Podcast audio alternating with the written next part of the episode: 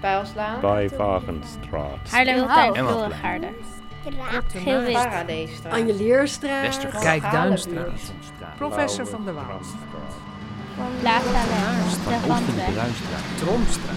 Pascal. Cornelis Schoonstraat. Spoorzone Zuidwest. Dit is Radio Zuidwest. Welkom bij Radio Zuidwest. Burengerucht. Verhalen in, over en uit de spoorzone in Haarlem Zuidwest.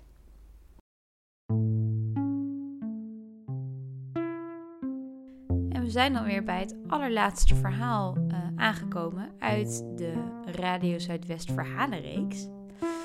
En eh, vind ik erg jammer, maar goed, dit laatste verhaal is van Sarah. En Sarah kwam als expat in Nederland wonen met haar gezin.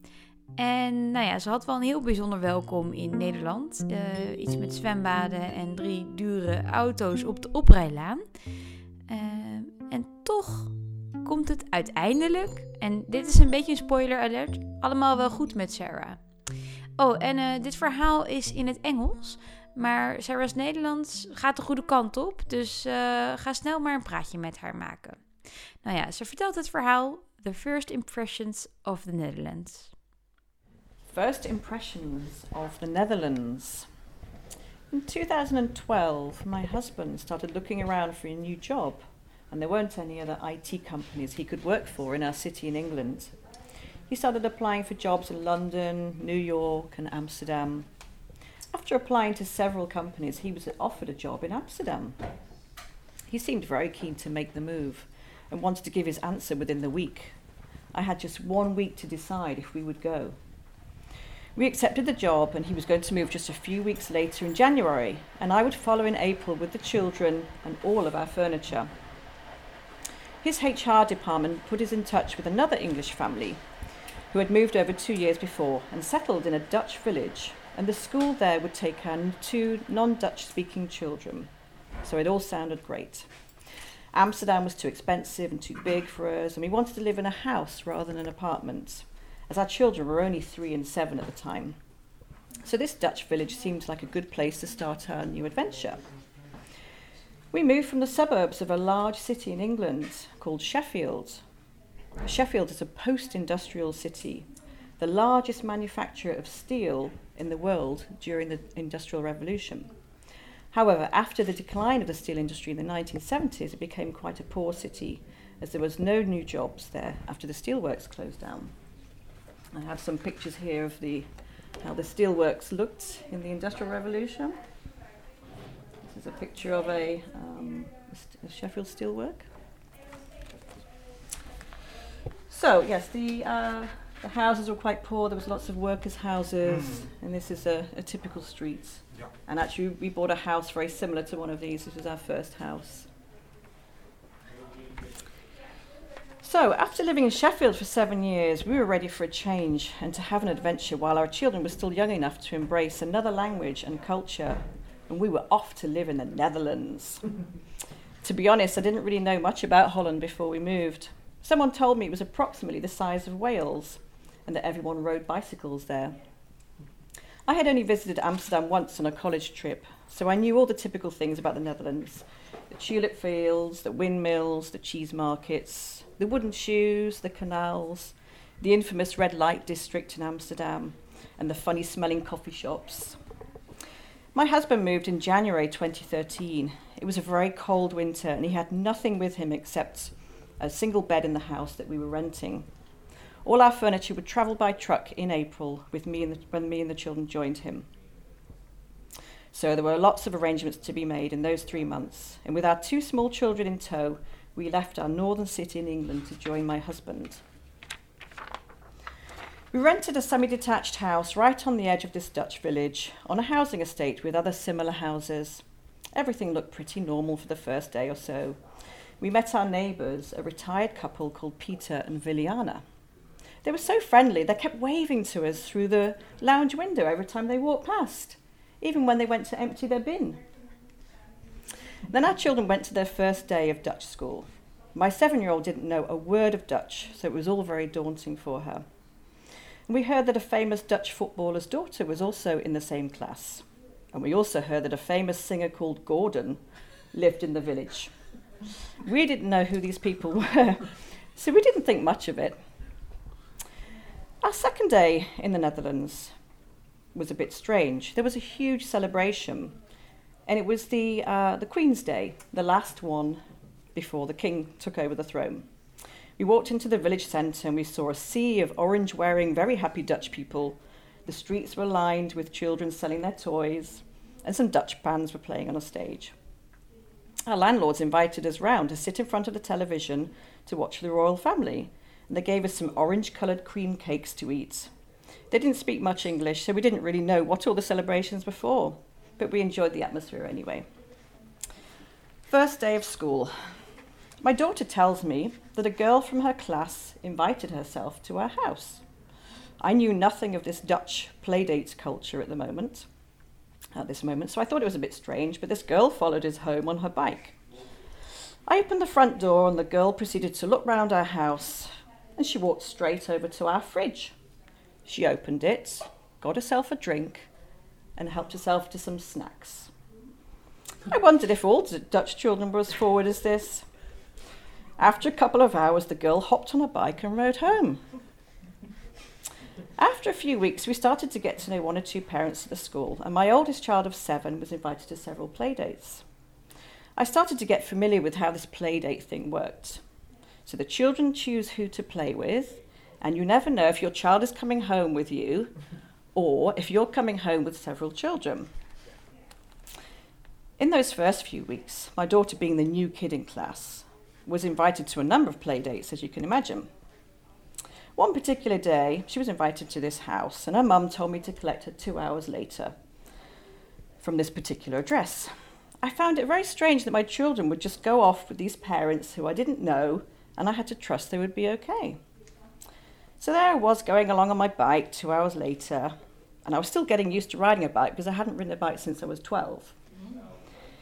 The street had these large trees lined along it, and the houses looked rather large, detached, and many of them had beautiful thatched roofs. So I pull up to the, the address that she'd given me, and there's these large electric gates, and I wasn't sure whether to leave my bike outside or take it in.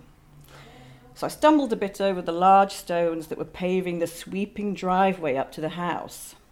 And once I got my balance again, I looked up at this enormous architect designed villa house with a thatched roof that I'd only ever seen on the front of um, luxury home magazines. I was in awe. This gives you an example of the sort of house.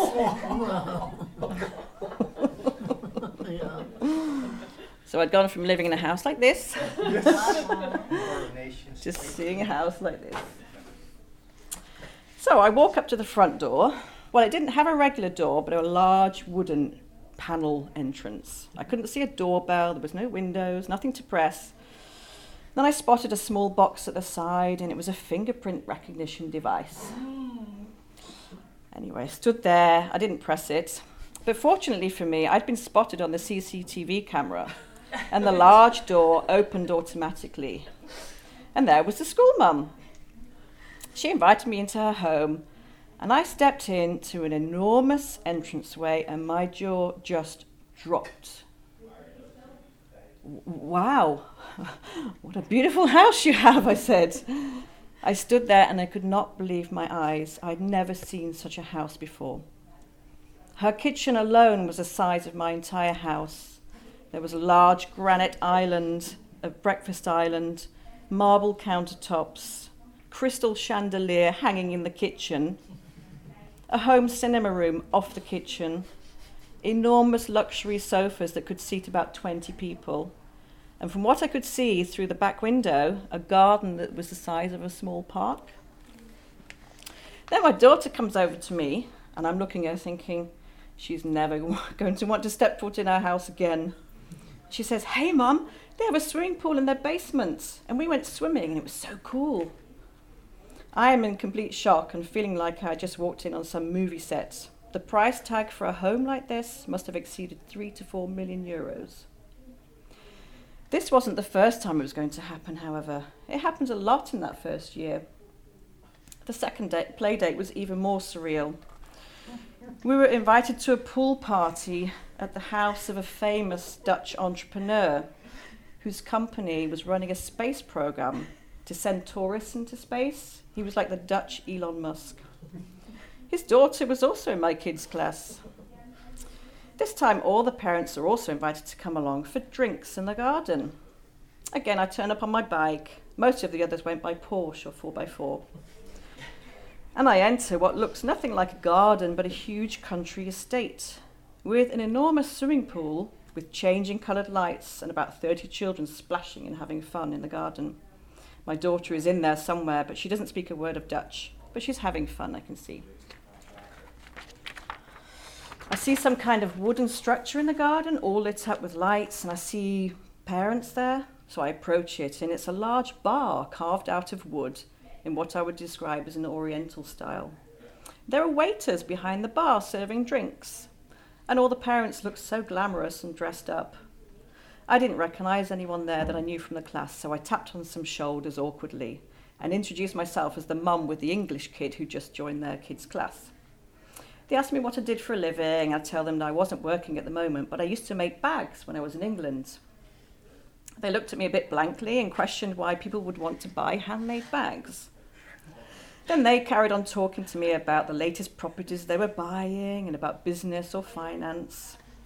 I stayed long enough to chat to a few people, but then I quietly slipped away, feeling like I was some kind of alien that had landed in a parallel universe. I went home and I said to my husband, I never realised people in the Netherlands were so wealthy. And I was seriously convinced that everyone in the whole country were as rich as the people I met there. I'd also seen the houses in Amsterdam where my husband's workplace was on Prinsengracht. And again, I'd never seen such beautiful houses before. So this was our first impression of life in the Netherlands. my children started coming home and asking why we didn't have a swimming pool and perhaps we could move to a house with one. That's when we decided it was time to start looking for somewhere else to live, somewhere a little bit more normal, with people like us. And this village where we were living has the highest average house price in the Netherlands. An average home there costs 803,000 euros. Can you guess where it is? Wassenaar. Wassenaar. Blaricum. Blaricum. Blaricum. Laren. Laren, oh, yeah. Oh ja. Ja, ik hoorde hem away. Gordon, yes. Gordon lives in Blaricum. Were many famous people, but I didn't know who they were. So we, we started to look at other cities. We looked at Alkmaar, Hoorn, even Purmerend. And then one day at a networking event at my husband's company, we came across a number of ex families, uh, expat families, and they said they lived in this place called Haarlem. So we decided to go and have a day trip there the following week. And as soon as we saw the town centre, we fell in love with it. We said, this is the place we want to live. And the house prices were definitely affordable. We'll be happy in Haarlem, we said. Very soon after buying our house in this neighbourhood, I met another, a, number of expats through a, a local expat Facebook group. People from Portugal, Ireland, South Africa, America. And within a few weeks, I made some very nice friends and started to learning Dutch at college twice a week.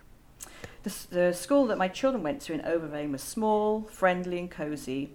And some of the families there do have big houses, but at least there's more ordinary people there as well. I became an English teacher in the school, teaching groups six, seven, and eight uh, for two years, and I got to know some very nice Dutch parents. And we live now in an end of row house, a bit smaller than we had in England, but it feels very gezellig here, and I feel I can be myself. My husband and I actually divorced three years later, but that's another story, nothing to do with Haarlem or the neighborhood. He decided eventually Holland wasn't for him in the end, so he moved to Tokyo instead. and I, I stayed here as I love the people, the beaches, the green spaces, the lifestyle, and best of all, I love the bitterballen. My children now speak perfect Dutch, but I still have a long way to go with that myself. And I now realise that not everyone in Holland is a millionaire. the end. What a wonderful story. so much fun. Yeah, it was um, a crazy time, the first 18 Uiteindelijk is Sarah, net als al haar verhalen vertellende buren, beland in Haarlem-Zuidwest. In de spoorzone om precies te zijn. Super fijne plek om te wonen. Deze verhalen heb ik nu gevangen in een podcast en kunnen ze we voor altijd bewaren. Heb je een vraag over een van de verhalen of wil je in contact komen met een van de vertellers? Wij verbinden je graag. Laat het gewoon even weten. Heb je ook een mooi verhaal wil je dit op de podcast ja, laten belanden, zodat de toekomstige buren dit kunnen beluisteren en weten waar ze terechtkomen? Stuur me dan een mail. Dat kan naar info.spoorzonezuidwest.nl Dit was de eerste reeks Radio Zuidwest Burengerucht. En ik heb nu eigenlijk al zin in de tweede reeks. Tot snel! Pijlslaan. Bij Wagenstraat. Haarlemmerhout, En wat Wilregaarde. Straat. Geel-wit. Paradijsstraat. Anjelierstraat. Westerkijk Duinstraat. Professor van der Waal. Plaza West. De. Bruinstraat. Tromstraat. Pascal. Cornelis Schoon. Spoorzone Zuidwest. Dit is Radio Zuidwest.